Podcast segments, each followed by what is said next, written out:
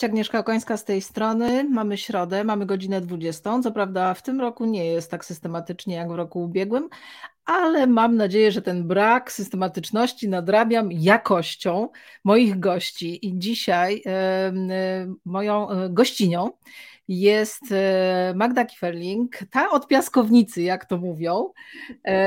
I Magda, na początek, ponieważ ja nie przedstawiam swoich gości, zadam Ci najtrudniejsze pytanie.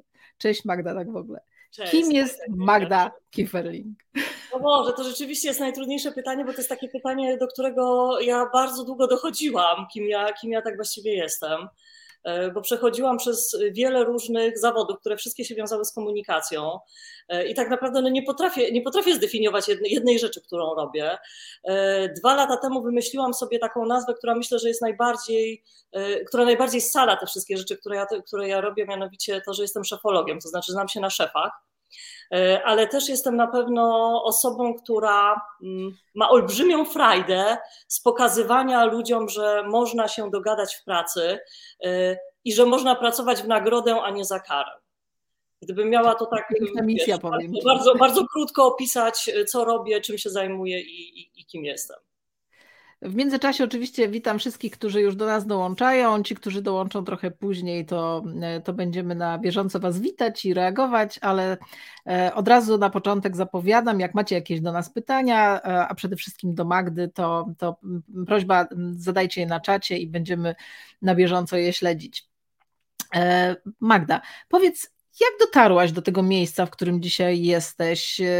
Czy, czy zajęło ci to trochę więcej czasu, czy tak mniej? Czy od razu wiedziałaś, co chcesz w życiu robić? Jak to z tobą było?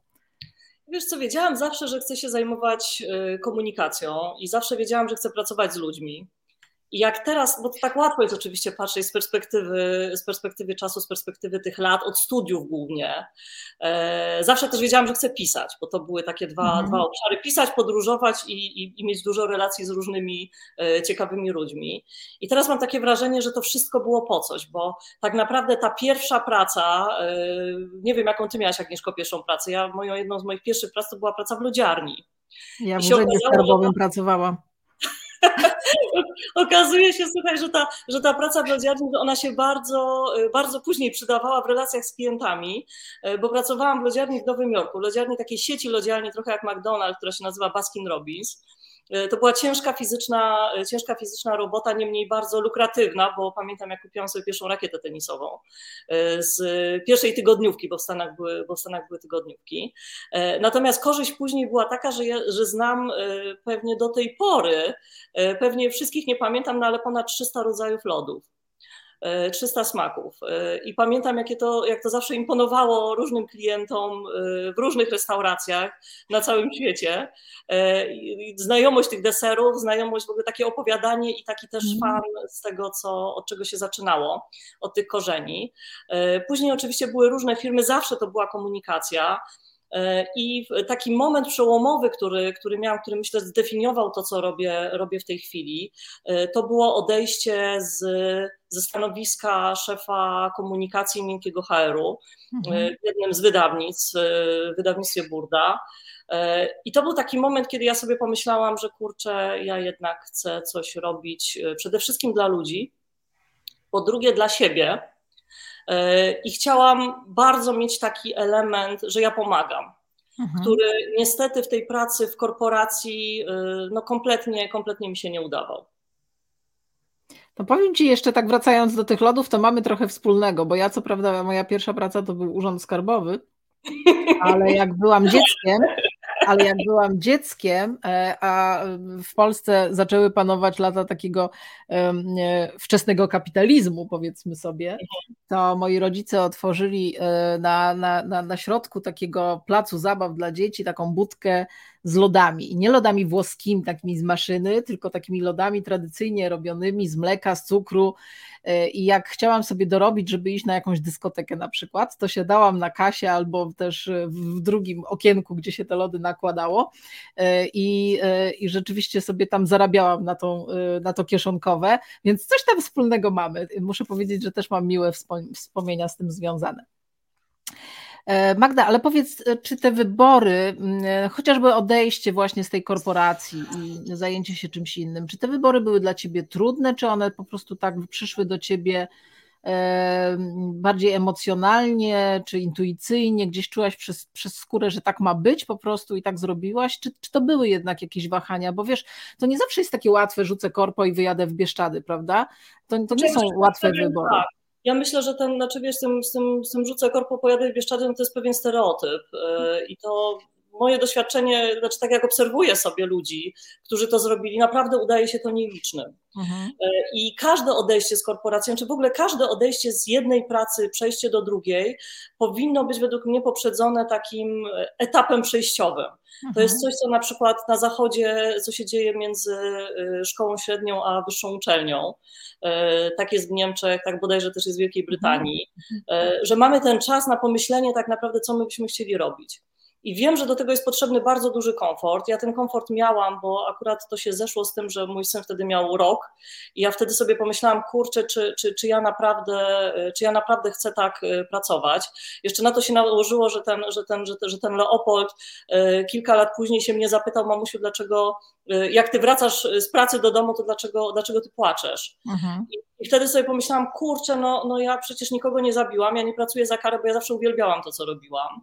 Natomiast rzeczywiście był taki moment, kiedy zobaczyłam, że ta kultura, w której jestem, bo to głównie chodziło o kulturę pracy, wcześniej miałam duże szczęście trafiania na szefów przede wszystkim, którzy byli e, autorytetami. Ja wiem, że to jest takie pojęcie, które chyba już teraz jest w ogóle niemodne. Zanika też. Zanika i no miała, miałam dużo szczęścia do spotykania na swojej drodze zarówno mężczyzn, jak i, kobiet, jak i kobiety, mhm. E, którzy po prostu chcieli mi poświęcać czas, którzy coś we mnie widzieli, e, którzy chcieli pokazać, pokazać mi, gdzie, gdzie ja mogę dojść i co ja mogę robić. Tylko wiesz, przychodzi taki moment, kiedy ty już osiągasz wszystko mhm. i zastanawiasz się, no dobra, no ale, ale, ale, ale co dalej, tak? I y, dla mnie tym momentem, y, akurat to się zbiegło z tym, jak ja urodziłam mojego syna. Większość kobiet y, jakby zaczyna różnego rodzaju marzenia o tym, że chciałoby odejść z korporacji, jak widzi, że ma ten rok wolny. To jeszcze było przed COVID-em, bo teraz coraz więcej ludzi jakby poczuło tak na własnej skórze, jak to, jak to jest mieć ten czas wolny. I wtedy tak sobie pomyślałam, że kurczę, że jednak bym chciała coś robić. Wiedziałam, że, że chciałabym uczyć, ale kompletnie mhm. nie wiedziałam czego. Bo to takie znalezienie, znaczy w ogóle zdanie sobie sprawy z tego, jakie my mamy talenty, co jest tym naszym talentem, co równocześnie nam sprawia frajdę, no bo to jest dla mnie równoznaczne w tej, w tej mhm. definicji tego talentu, i co równocześnie może pomóc innym ludziom, co, może, co ja mogę dać innym ludziom siebie, to w ogóle była, wiesz, taka zmiana myślenia z egoistycznego, no bo, no bo jednak pracując dla kogoś, no to, no, to, no, no to my się tak koncentrujemy trochę na sobie, myśląc, dobra, no bo my chcemy zarabiać, my się chcemy piąć w tej hierarchii społecznej, w tej hierarchii, przepraszam, zawodowej, nie społecznej. Natomiast tutaj się zaczęłam zastanawiać, dobra, no to co ja mogę zrobić, co ja też mogę zrobić dla siebie i dla innych, żeby to, żeby, żeby, żeby to było jakby z pożytkiem, tak? Takiego e, swojego ikigai szukałaś, rozumiem. Tak, i to w ogóle to takie dodefiniowanie, dlatego wiesz, to pytanie, które ty zadałaś na początku, to jest też pytanie, które ja słuchaj sobie mhm. zadawałam praktycznie przez dwa, dwa pierwsze lata, jak odeszłam, jak odeszłam z burdy. E, kim ja mhm. właściwie jestem? E, I e, to jest strasznie męczące pytanie, dlatego że wiele osób, i zadaję to pytanie też swoim klientom i też wielu osobom, z którymi rozmawiam prywatnie, ludzie nie potrafią zdefiniować, kim są tak naprawdę gdyby mieli tą łatwość definiowania, dużo łatwiej by im się było odnaleźć w tym, w tym zawodowym świecie, bo to jest trochę tak, że jak ty wiesz, w którą stronę masz iść, to po prostu idziesz. Wiadomo, że po drodze są przeszkody, bo to wiesz, tylko na LinkedInie, na Facebooku, na Instagramie wygląda, że to jest takie fajne różowe, e, natomiast to wcale nie jest różowe, bo po drodze e, spotykamy różnych ludzi. E, ja na przykład przeżyłam taką lekcją, która dla mnie była, była najważniejsza, to jest to, że ci ludzie, których ja uważałam za przyjaciół, wcale mi nie pomogli y, w przejściu na tą nową, na tą nową ścieżkę zawodową bo uważali, że mimo, że ja, bo ja wcześniej byłam trenerem i, i tak naprawdę od momentu, kiedy zaczęłam pracować w agencjach PR-owych, robiłam szkolenia mediowe dla klientów. One teraz to jest strasznie, jakby każdy robi w tej chwili szkolenia mhm, mediowe. Mm-hmm. Natomiast no 15 lat temu to naprawdę niewiele osób to robiło. I, I, głównie to były osoby, które pracowały właśnie albo w agencjach PR-owych, albo w telewizji. Um, I to był jakby taki przedsmak tego, że mnie się to podoba, że mam jakieś sprawstwo że widzę ten efekt, że widzę, że jak ci ludzie potrafią dzięki mnie błyszczeć. No i potem to się przerzuciło na, na zarządzanie, no bo tak naprawdę to, jak umiemy, czy jesteśmy dobrym szefem, czy nie,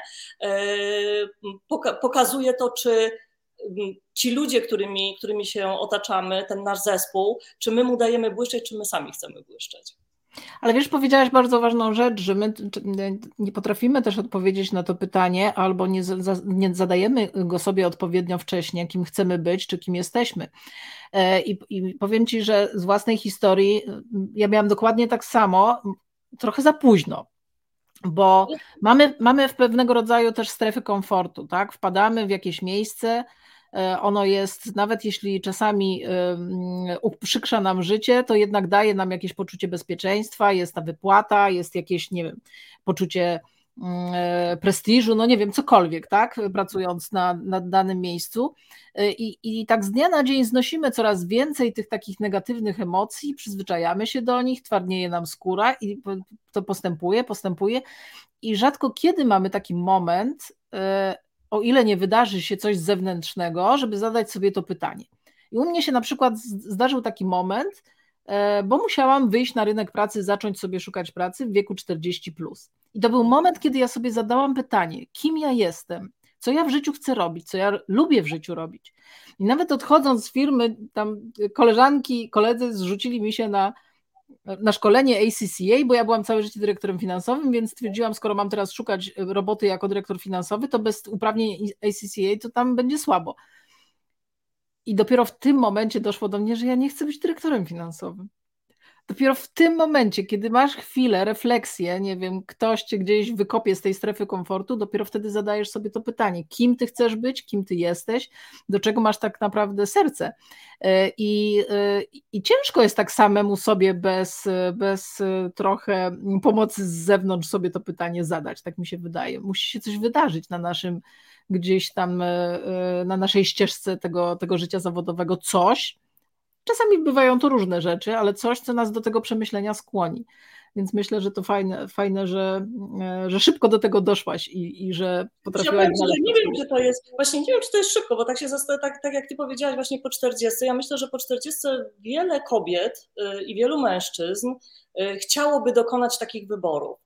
E, wiesz, no wchodzą nowe pokolenia na rynek pracy, my jesteśmy zastępowani, bo też nam się wydawało, że nie jesteśmy, natomiast mhm. ewidentnie e, życie pokazuje i życie to bardzo szybko weryfikuje.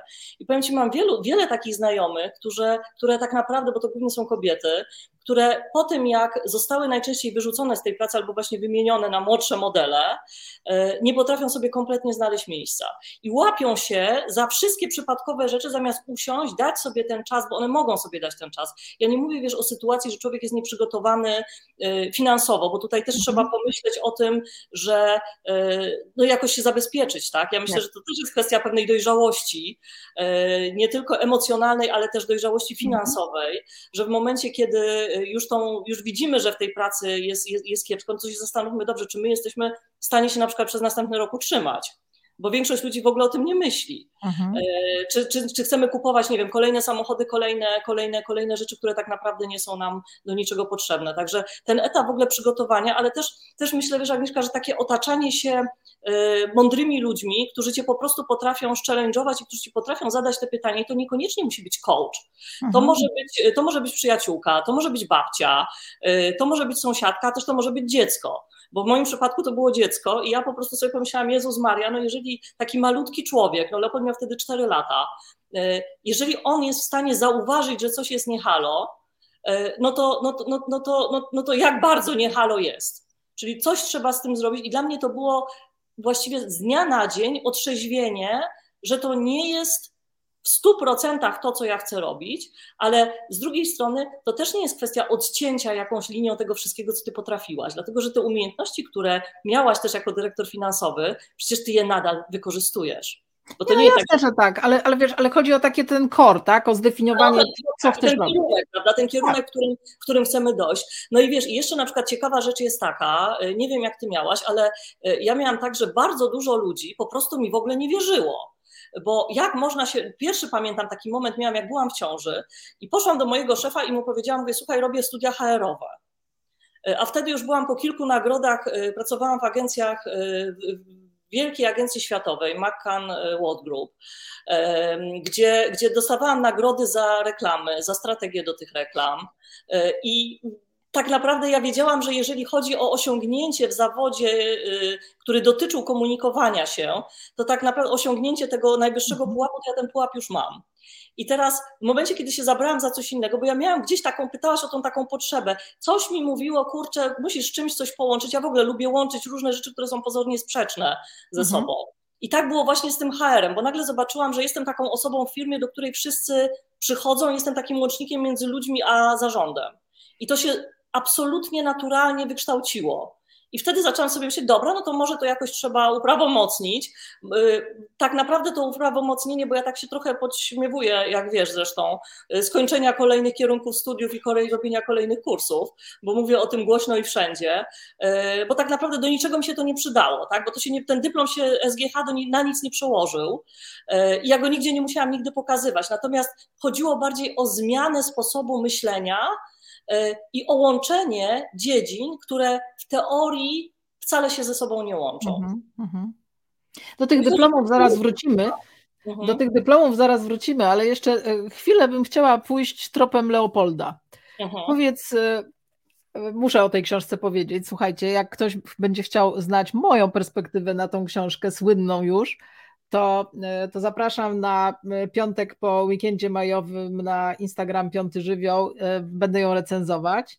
Ale skąd efekt piaskownicy? Powiedz, czy to rzeczywiście Leopold cię nakierował na tą piaskownicę i co to jest za książka? O czym jest? Ja wiem mniej więcej o czym ona jest, ale chciałabym, żebyś swoimi słowami nam powiedziała, skąd w ogóle pomysł taki?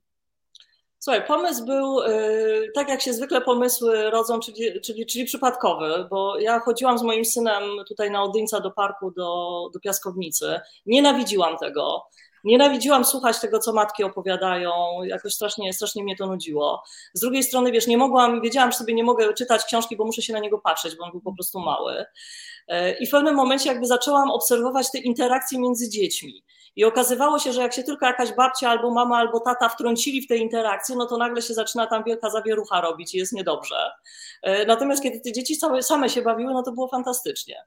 E, I, przyszły, i ta, przyszła mi taka analogia, bo tak sobie pomyślałam, kurczę, przecież w, tych wszystkich firmach, w których ja pracowałam, no de facto było tak samo, że w momencie, kiedy ludzie mogli e, i chcieli się ze sobą komunikować, no to im wszystko wychodziło i że tak naprawdę te mechanizmy związane z komunikacją my mamy, nie wiem, no na takim poziomie, ja tego nie badałam, natomiast na poziomie atawistycznym wynosimy to po prostu, e, no, no, no jest to przypisane do nas jako do ludzi.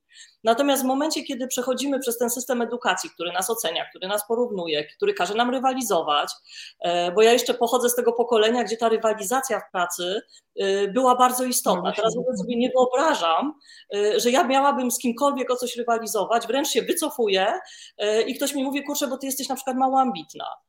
Ja nie startuję w przetargach. Jak, jak klient mi mówi, no to proszę, bo my tutaj mamy trzy oferty, ja mówię, słuchajcie, no ale to albo chcecie ze mną pracować, albo nie, tak? Mhm, I jakby ja nie muszę udowadniać, wiesz, bo to jest takie udowadnianie, że nie jesteś wielbłądem. Y, bo dobrze też wiemy, że te decyzje są zupełnie gdzie indziej. Y, więc tak sobie pomyślałam, że to uproszczenie, porównanie tej komunikacji do tej piaskownicy, którą wszyscy znają, y, nieużywanie skomplikowanych sformułowań, Zresztą strasznie mi się w tej książce, znaczy po tej książce, jak były, jak były recenzje, dostało y, od niektórych dziennikarzy, zwłaszcza na samym początku, bo mówili mi, słuchaj, no bo to jest, bo to jest strasznie, strasznie infantylne, bo jak to w ogóle tak można porównywać, y, bo przecież y, tutaj pani wykłada w prestiżowym ICANN Institute, a, a pisze pani książkę tak naprawdę o, dla rodziców. Ja tak sobie pomyślałam, kurczę, no, no, no większość menadżerów jest rodzicami, i jeżeli mogą czerpać z tych pokładów tego rodzicielstwa, bo ja się jako matka nauczyłam nieprawdopodobnie dużo od mojego syna. Ja czasami mam wrażenie, że to on mnie wychowuje, a nie ja jego wychowuję.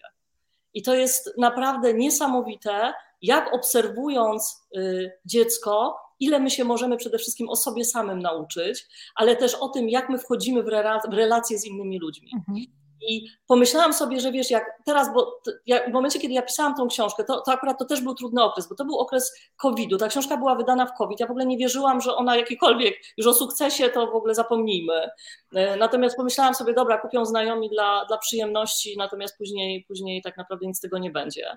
Natomiast okazało się rzeczywiście, że to, co tam jest napisane, po prostu jest ponadczasowe, bo to dotyczy nas wszystkich, a im trudniejsze są warunki, e, im te sytuacje, w których się znajdujemy są trudniejsze, tym tak naprawdę ta umiejętność komunikowania się, rozmawiania, e, e, kopania tego przysłowiowego piasku, przesypywania go do, do innych foremek, a nie zabierania sobie tych łopatek jest, jest po prostu dla nas kluczowa.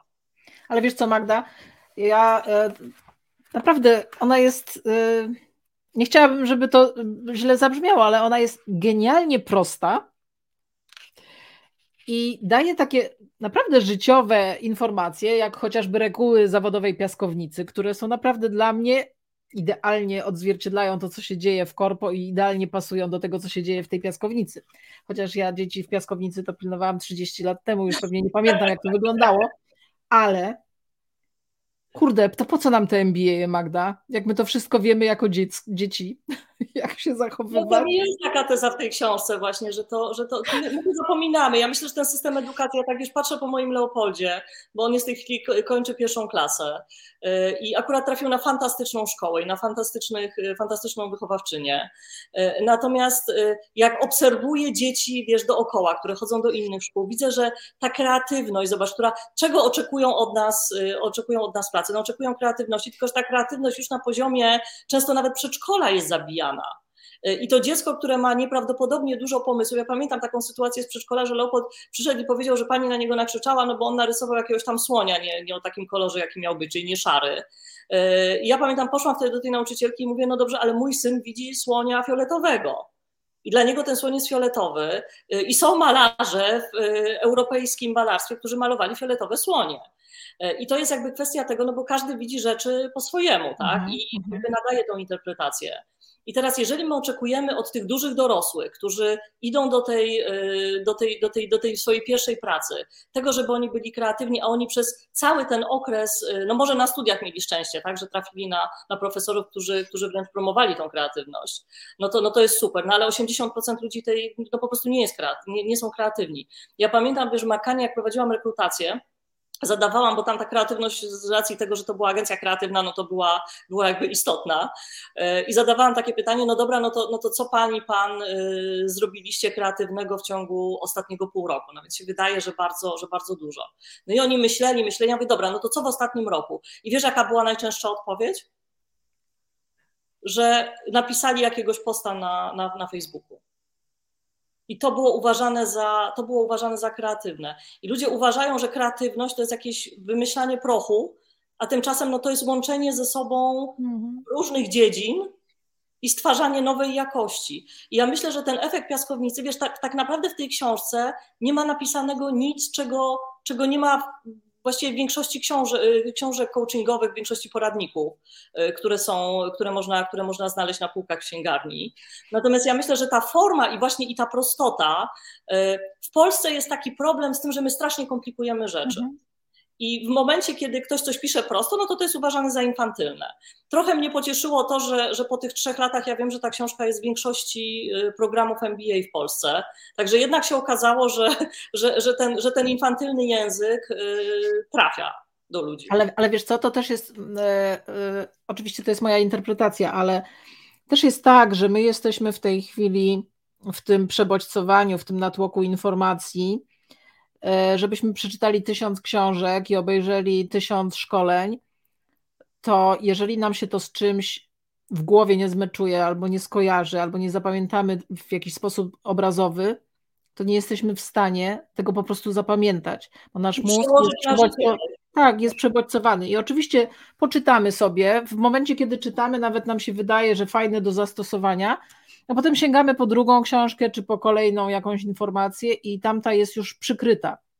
Więc nie masz, takie... nie, masz takie, nie masz takiego wrażenia, że jest, bo ja to widzę na przykład na LinkedInie, e, jak e, bardzo, no ja mam dosyć duże grono osób, które, które obserwuję i to jest w ogóle coś nieprawdopodobnego, że, że nagle tak w cudzysłowie no jakaś się moda na czytanie książek zrobiła. Mhm. Ja tak się zastanawiam, no dobra, no ale no, no to co ty tak naprawdę robisz z tym, co przeczytałeś, tak? Czy mhm. przeczytałaś?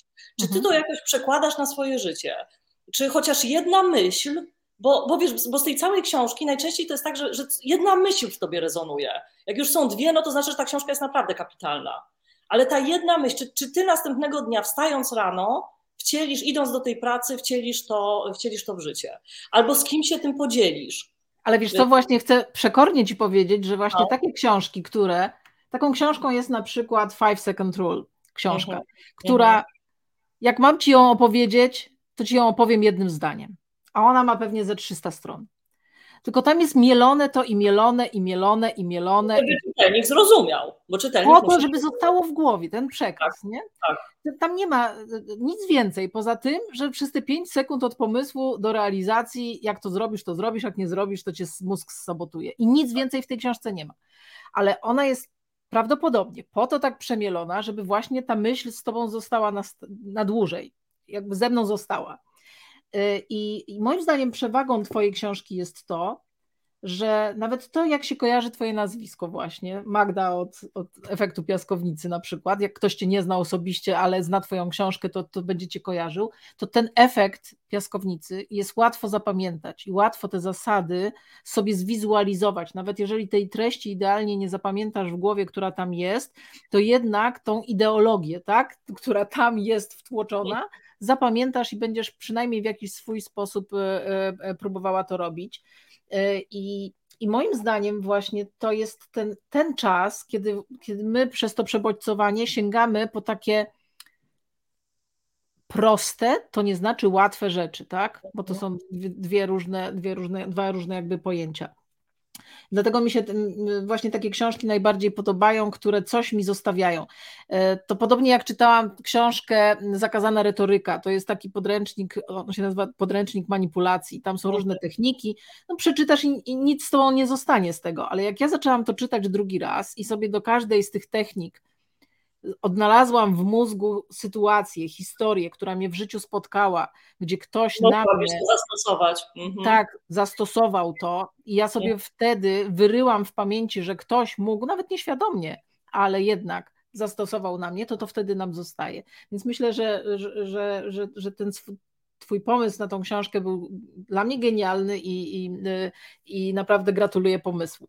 Bardzo dziękuję. A powiedz mi, Myślisz o napisaniu jakiejś kolejnej książki? Słuchaj, no mam, mam, mam taką wiadomość, która no dzisiaj mnie to aż wzruszyło, dlatego że przyszła pocztą umowa z wydawnictwa, którą podpisałam oczywiście elektronicznie wcześniej, natomiast przyszła do takiego podpisu yy, tradycyjnie tak, prawdziwego długopisem czy piórem. Yy, I tak, yy, książka, książka już jest skończona, leży w wydawnictwie w tej chwili jest, jest edytowana. Mój redaktor się tym zajmuje. Książka będzie książką skierowaną do kobiet, dlatego że ja od półtora roku rzeczywiście bardzo dużo pracuję, pracuję z kobietami i staram się wspierać te kobiety. Chyba dlatego, że sama nigdy przez kobiety nie byłam wspierana, także próbuję zrobić coś coś dokładnie, coś dokładnie na opak. E, pomysł tej książki się wziął e, w covid kiedy budowaliśmy dom na, na Podkarpaciu, e, dom Radawa Hygge, który, który też wynajmujemy, bo to jest jakby jedna z części naszego pomysłu też na, na to nasze życie. Kiedy zobaczyłam nieprawdopodobne dysproporcje między dużymi miastami, Mhm. E, a, a taką małą, małą e, miejscowością czy małym miastem, właśnie, właśnie podkarpackim. I kiedy zaczęłam z tymi dziewczynami rozmawiać i zobaczyłam, jakie one mają e, potrzeby i tak naprawdę jak nie wiedzą, jak te potrzeby realizować, E, w jaki sposób na przykład zdobyć pracę w, w dużym mieście, mhm. E, co zrobić, żeby, żeby, żeby się dogadać, e, jak nie mieć kompleksów, bo też sobie tak zdałam sprawę, że zobacz, po covid my tak naprawdę, wiadomo, że potrzebne są do tego jakieś pieniądze, ale one i tak już są mniejsze niż relatywnie do tego, co było przed COVID-em. Możemy z własnej wanny studiować na, na Harvardzie przez internet, tak? I nie musimy jeździć na ten Harvard, y, nie musimy płacić, musimy zapłacić czesne, ale nie musimy płacić już za, za życie y, tam, y, co było bardzo dużym kosztem. Także to tak naprawdę zdałam sobie sprawę z tego, że to jest, chcia, chciałabym dać taki bodziec tym dziewczynom do tego, żeby takie pchnięcie leciutkie, żeby, mhm, mhm. żeby zobaczyły, że można, że można to realizować, że, że to wcale nie jest tak, że jeżeli one pochodzą z jakiegoś środowiska, to to środowisko już absolutnie determinuje to, kim, kim one mają być i co one mają w życiu robić, e, że wcale nie muszą w wieku dwudziestu kilku lat wychodzić e, za mąż i rodzić dzieci, bo, bo tak jest pożądane, e, że wcale nie muszą, jak nie chcą mieć pola, to nie muszą mieć tego pola, że mogą odkrywać swoje pasje. Ja też miałam taką refleksję, zresztą do tej książki przeprowadziłam mnóstwo wywiadów, nie wiem, które ostatecznie zostaną, na które wydawnictwo się zdecyduje, ale właśnie z dziewczynami, które porobiły kariery, realne kariery, kariery światowe, mhm. z różnych zawodów, które pochodzą z małych miejscowości. I powiem Ci, że to w ogóle było dla mnie nieprawdopodobne doświadczenie, bo ja na samym początku chciałam zrobić pięć tych wywiadów, bo sobie pomyślałam, kurczę, ja jestem panienką z Warszawy, z dobrego domu, no to jak ja mam w ogóle prawo pisania o tym, jak, jak się wyrwać z małego miasta. Mhm. E, I, i e, zaczęłam, zaczęłam rozmawiać z różnymi osobami, bo się okazało, że, że w tym moim środowisku i właśnie te dziewczyny z korporacji, które, które, które znam, które szkole, bardzo często jest tak, że one, że one pochodzą z tych małych miast i one mhm. się tego strasznie wstydzą. One mają z tym olbrzymi problem i powiem Ci, że też dużo osób publicznych, dużo kobiet, bo to są wywiady tylko z kobietami, które pytałam i w ogóle chciałam zaczepić, żeby udzieliły wywiadu do tej książki, y, odmawiało, mówiąc, że one nie są, że one nie są z małego miasta. To jest coś nieprawdopodobnego. Nawet niektóre, niektóre dziewczyny pozmieniały na, na swoich mediach społecznościowych miejscowości, albo je w ogóle powyrzucały, skąd pochodzą, albo pozmieniały na, y, na duże y, mhm. międzynarodowe miasta, w których, w których teraz mieszkają. Także i wtedy sobie pomyślałam, kurczę, jest jakiś problem. Czyli co, coś z tym problemem, coś z tym problemem można zrobić. Ale wiesz, ale to nie jest tylko problem tych dziewczyn i e, problem, które one mają ze sobą i, i problem z podejmowaniem decyzji czy ze ścieżką życiową, ale to też jest problem, jak one są postrzegane, nawet te, które chcą już coś robić. E, ja miałam taką dziewczynę na programie coachingowym. Jeśli nas ogląda, to ją pozdrawiam. Nie będę oczywiście zdradzać jej personaliów, ale na pewno się domyśli. E, ona dostała e, po swoim ojcu firmę do zarządzania. Młoda dziewczyna. Wyglądająca bardzo młodziutko, młodziej nawet niż na swój, na swój wiek, a wiek miała naprawdę, że tak powiem, bardzo, bardzo mały. I ona miała problem, kiedy przyszło negocjować wielki kontrakt. Ta dziewczyna dobrze wykształcona i dbająca o swoją wiedzę, o swój rozwój, naprawdę poukładana bardzo fajnie. Natomiast skromna i też z wyglądu, taka powiedziałabym gimnazjalistka z wyglądu, naprawdę. I podczas kiedy przyszło jej negocjować kontrakt taki przejęcia części firmy przez inną firmę i przyjechali prawnicy z Warszawy, to sobie po prostu drwili z niej, że tu dziewczyna ze wsi, y, jeszcze jakaś gówniara i po prostu y, dawali jej to.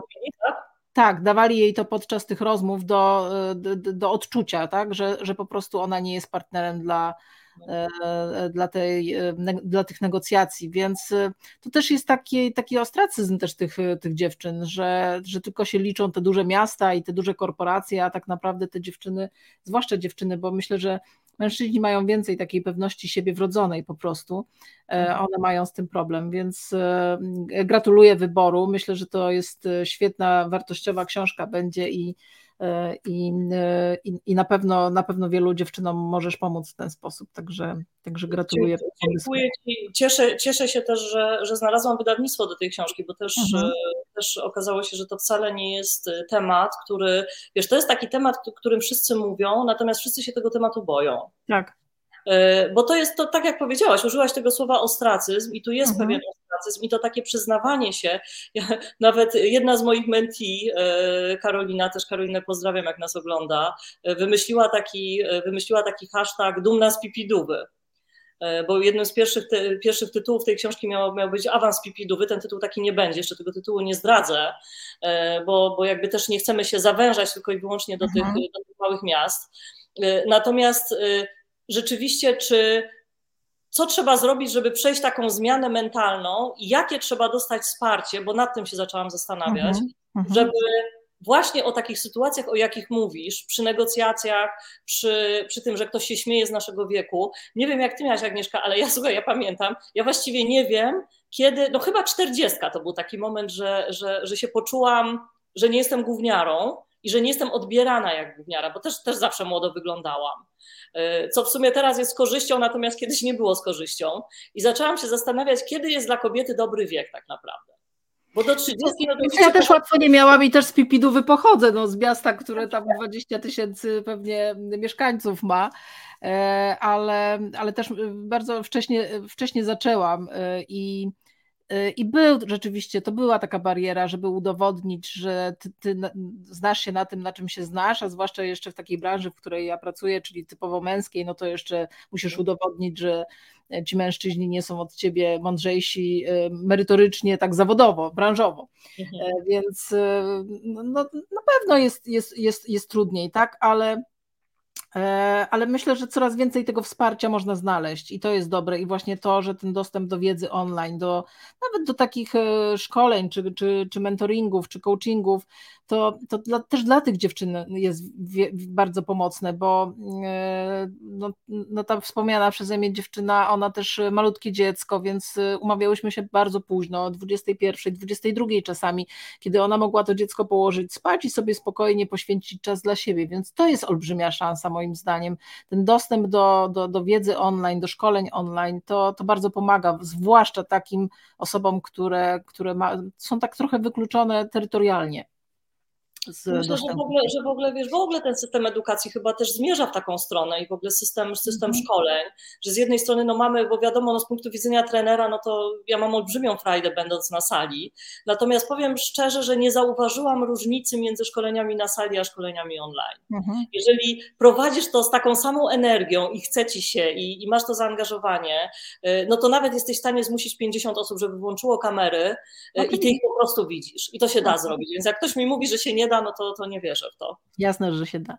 Słuchaj, chciałam z Tobą trochę porozmawiać, bo myślę, że większość osób, które z nami są, to wiedzą, jak nie wszyscy, e, że jesteś też e, mówczynią e, TEDxa, więc chciałam spytać o tą historię, jak to się stało, jak przyszedł Ci do głowy ten pomysł, kiedy się dowiedziałaś, że, że będziesz miała tę możliwość i jak się do tego przygotowywałaś, bo powiedzmy sobie szczerze, to nie jest łatwa sprawa. To jest, e, słuchaj, masakra. To jest naprawdę masakra. E, ja jak, bo bardzo wiele osób do mnie dzwoni, pyta się albo pisze na LinkedInie, jak mogą się przygotować do, do, do tego TEDxa, z jakim tematem i tak dalej, i tak dalej.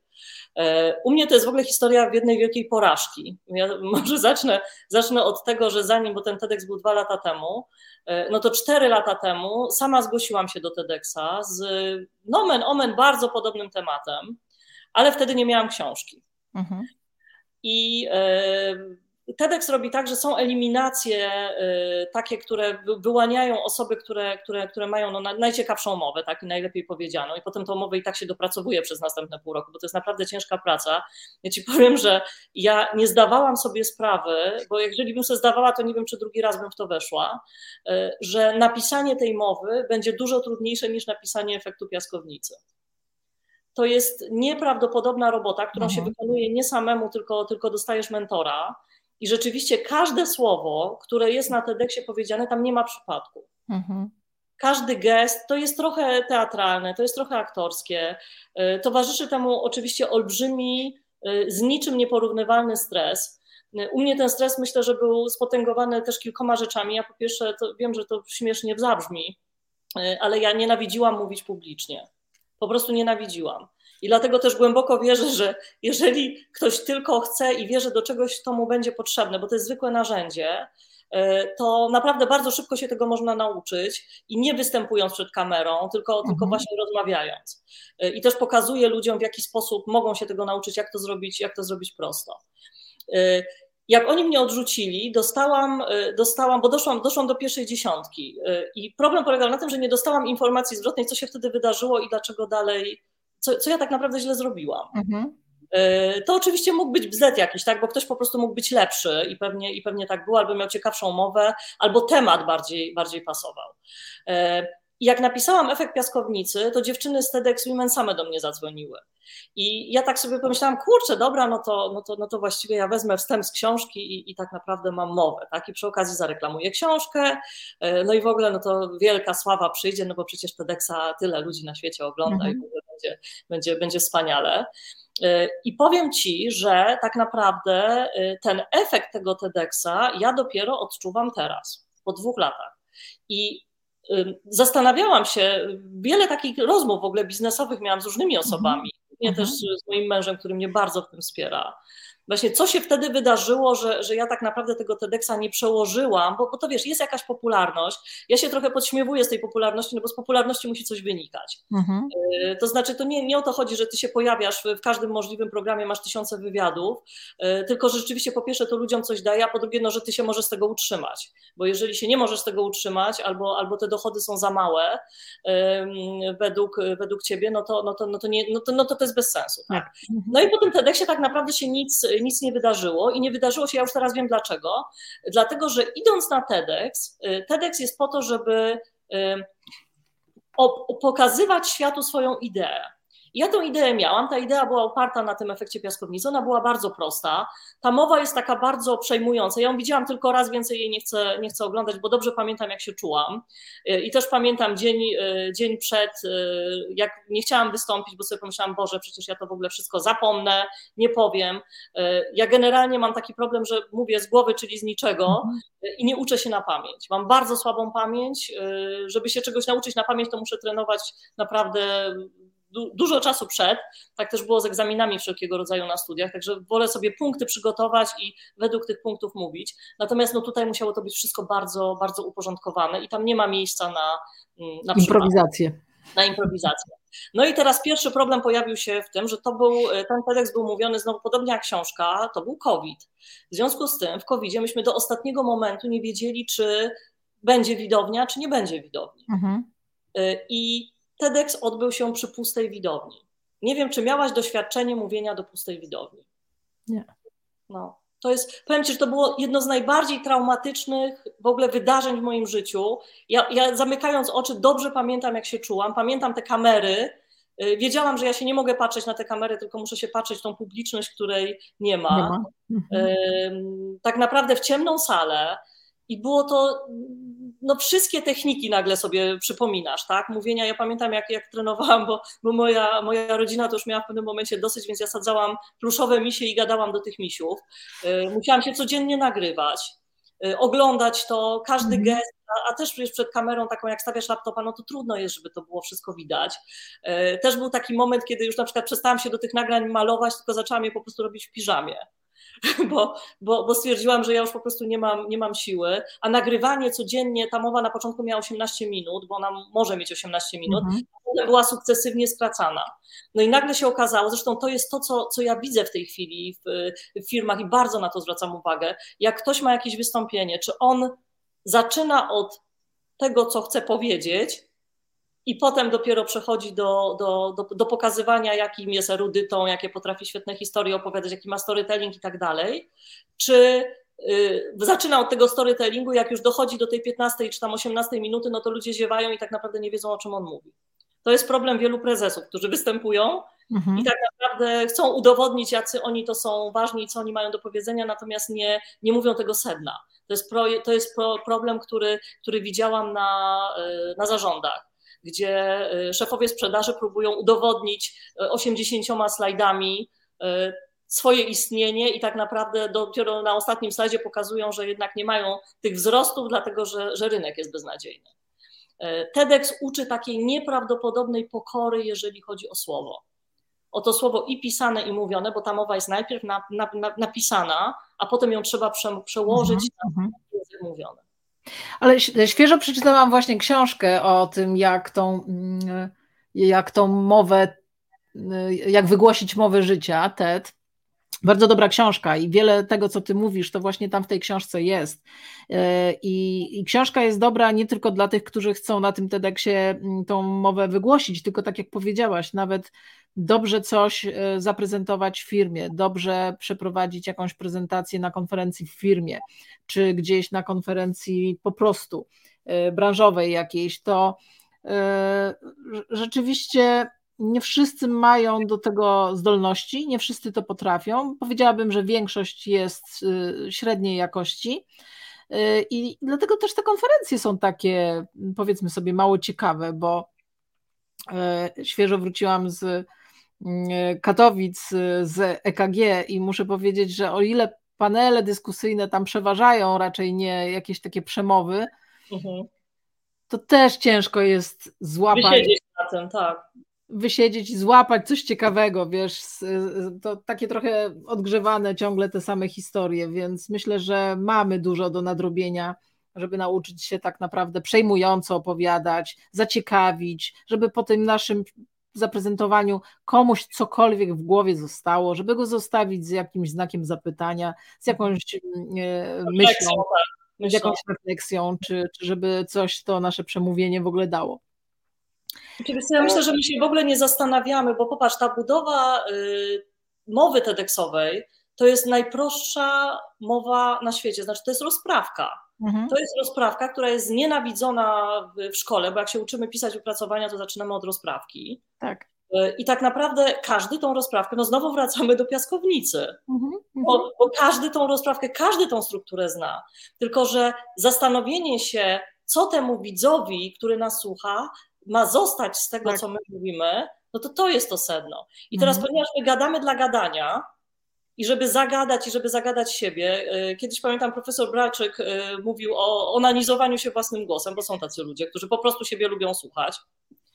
E, więc ja myślę, że to jest bardziej kwestia wyjścia z tego, wiesz, poziomu ego i zastanawiania się, ja to, ja to tak. mówię też na swoich szkoleniach, bo też tych menadżerów e, e, szkole też zmówienia, to jest mhm. jeden z elementów tego ich bycia w firmie, oni muszą po prostu mówić, nie mogą się tego bać, muszą pokazywać jacy są, muszą też wady i zalety pokazywać, a nie tylko udawać, że, że są ważnymi szefami i mówię im, słuchajcie, zastanówcie się, wejdźcie w buty tych swoich y, podwładnych, podopiecznych, y, menti, bo to są różne relacje i zastanówcie się tak naprawdę, co oni słuchając tej waszej mowy, co oni z tego wyniosą.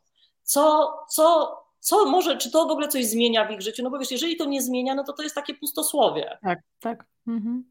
Ja jestem buddystą, w buddyzmie jest, y, to w ogóle jest jeden z grzechów, y, czcza gadanina i mam wrażenie, jak tak sobie słucham, od lat już nie mam telewizji, ale, ale, ale słucham radia, y, włączam różne podcasty i czasami też mam wrażenie, że, że to jest po prostu czcza gadanina i że gdybyśmy dochodzili do tego sedna na początku i mówili ludziom, dlaczego nas mają posłuchać i co z tego wyniosą na początku, a nie, że to ma być ten efekt y, zaskoczenia na samym końcu, że oni. Mhm. Oni często, myślę, że w tym szybkim, bo też o tym powiedziałaś, o tym szybkim świecie, że to się tak, tak. strasznie czytamy i my po prostu nie łapiemy i tak samo jest z tym słuchaniem. Mhm. Y, no niestety musimy, no do brzegu, do brzegu, bo jak ja, ja, często mam taką wadę, że potrafię, jak ktoś zaczyna mi nudzić i mi opowiada o początku świata, to mówię, kurczę, no do brzegu, to powiedz, jakie jest sedno, a potem mi zaczniesz opowiadać, jak nam mhm. zostanie ten czas, to zaczniesz mi opowiadać tą historię od samego początku. A powiedz Magda, bo powiedziałaś trochę, że o tym szkolisz, ale w ramach ICANN i studiów podyplomowych, na których wykładasz, czego uczysz i co chciałabyś przekazać tym, tym ludziom, który, którzy na te Twoje zajęcia przychodzą? E, co jest Twoim takim przesłaniem najważniejszym? Jakbyś mogła ocenić swoje mm, e, wykłady?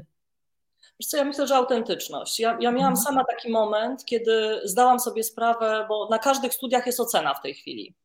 E, I jak każdy wykładowca, bardzo się tej oceny bałam, w związku z tym, ponieważ się bałam, no to się spinałam. I przyszedł taki moment, kiedy stwierdziłam, dobrze, to ja to, ja to prowadzę tak, jak ja chcę.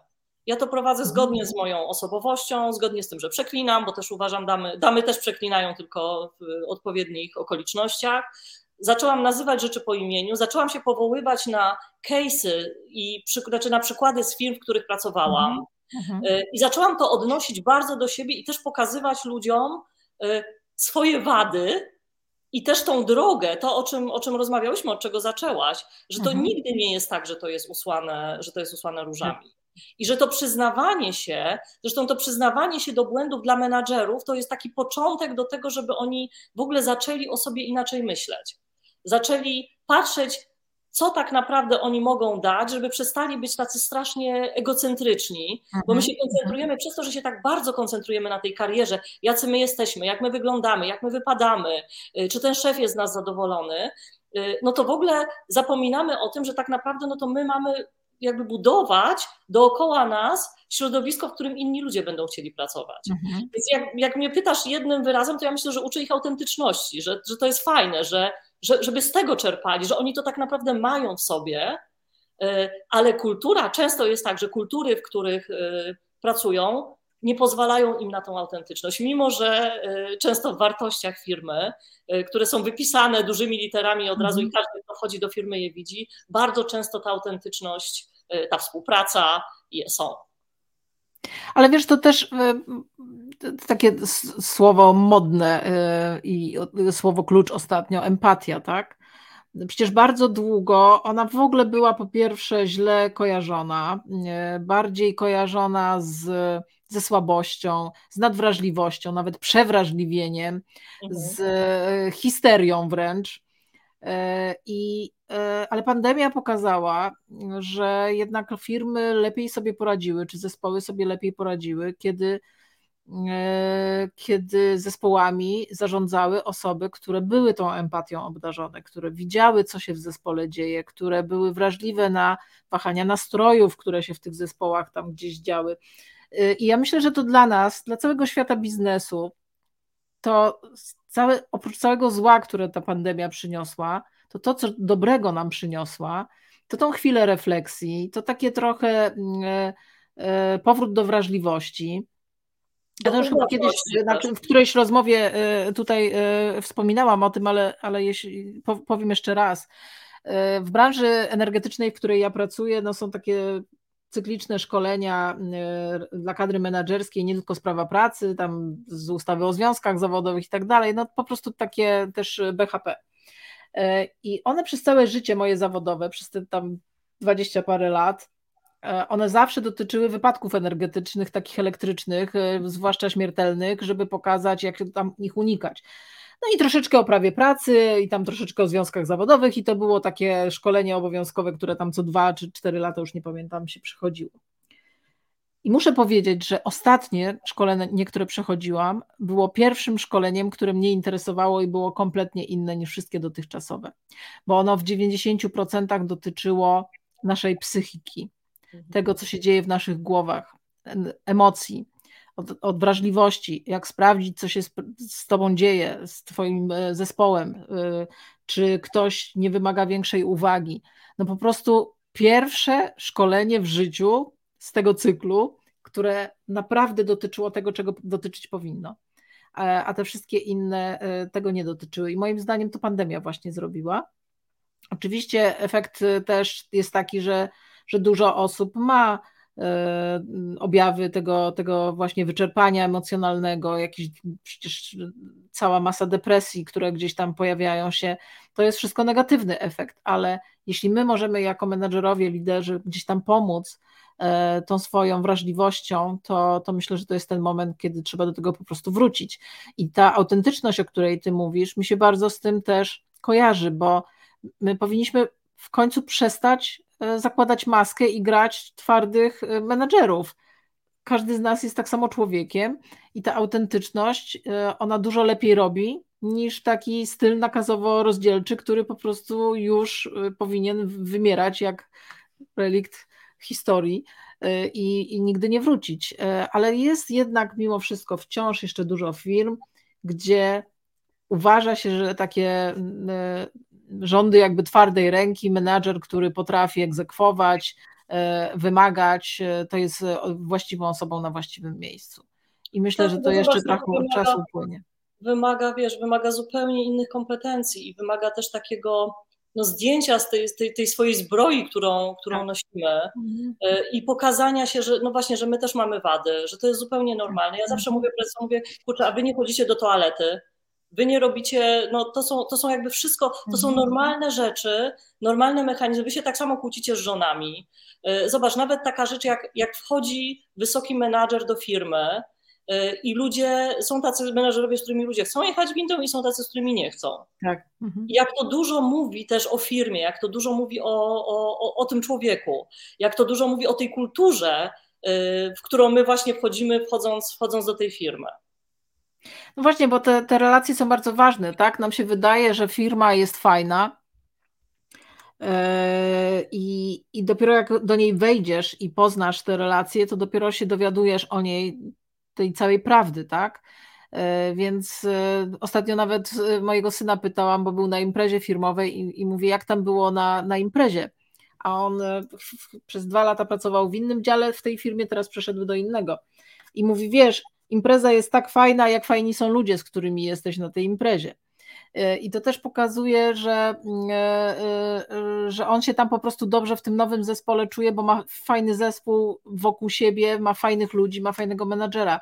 W tej samej firmie wystarczyło w trochę w innym miejscu być i zupełnie skrajnie inne emocje więc to, to też pokazuje, jak bardzo na nasze postrzeganie naszego miejsca pracy, na, na to, jak my się czujemy w, w tej pracy, e, mają e, wpływ ludzie, z którymi współpracujemy po prostu.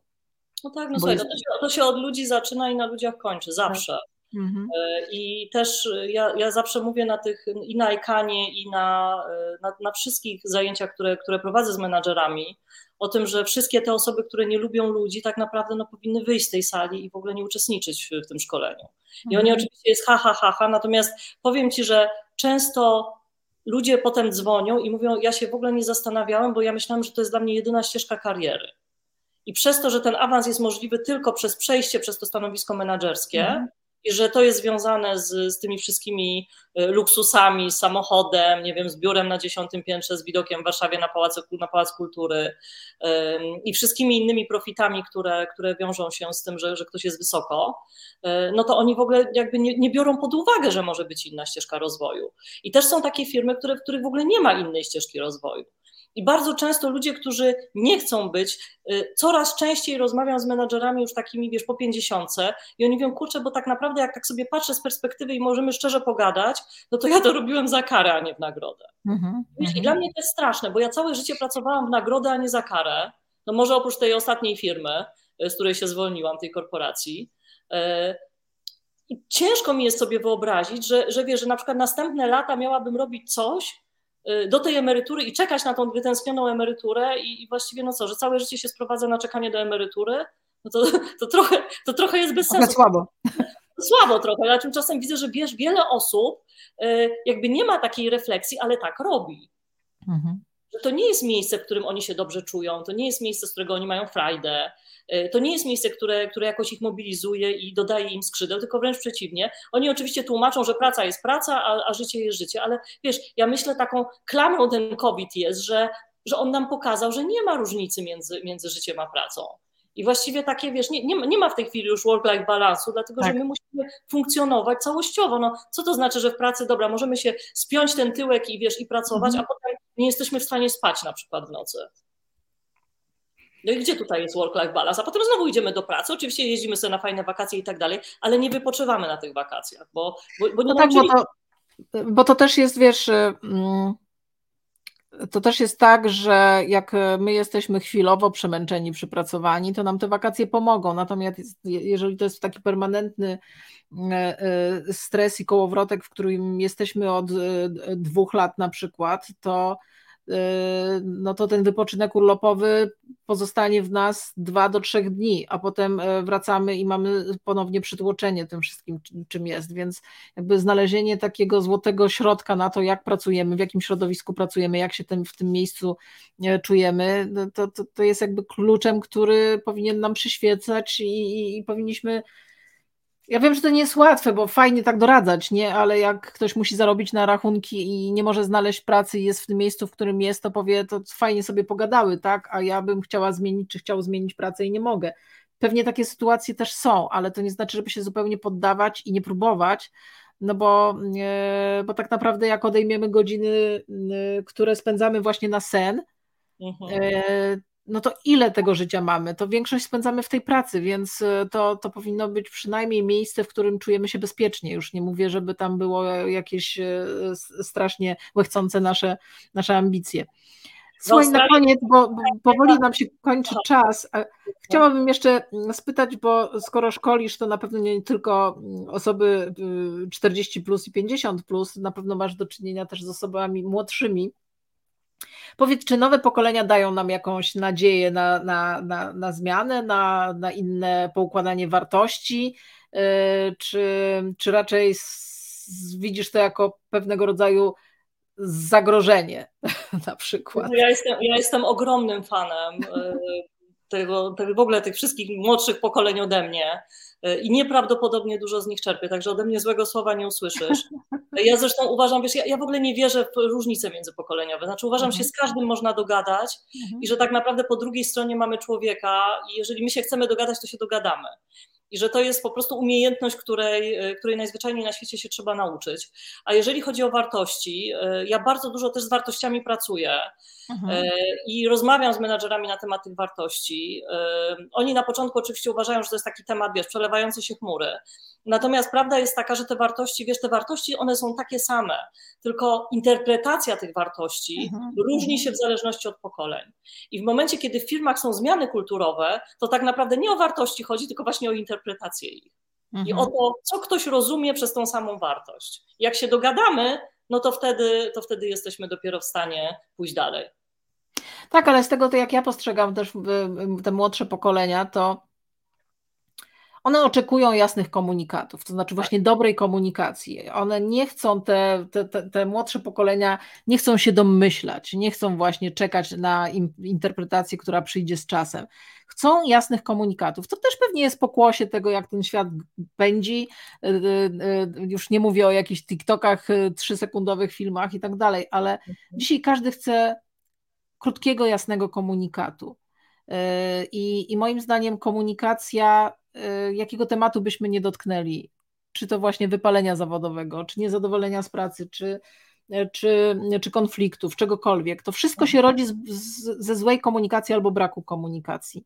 Y, więc y, myślę, że temat, temat, który gdzieś tam na początku Twojej kariery zawodowej był tym głównym przewodnim, na pewno przydaje Ci się dzisiaj w układaniu tematyki wykładów czy, czy szkoleń bo, bo to jest y, ponadczasowe. Moim zdaniem ta komunikacja zawsze się będzie liczyła, tak? I, i, i zawsze będzie bardzo ważna.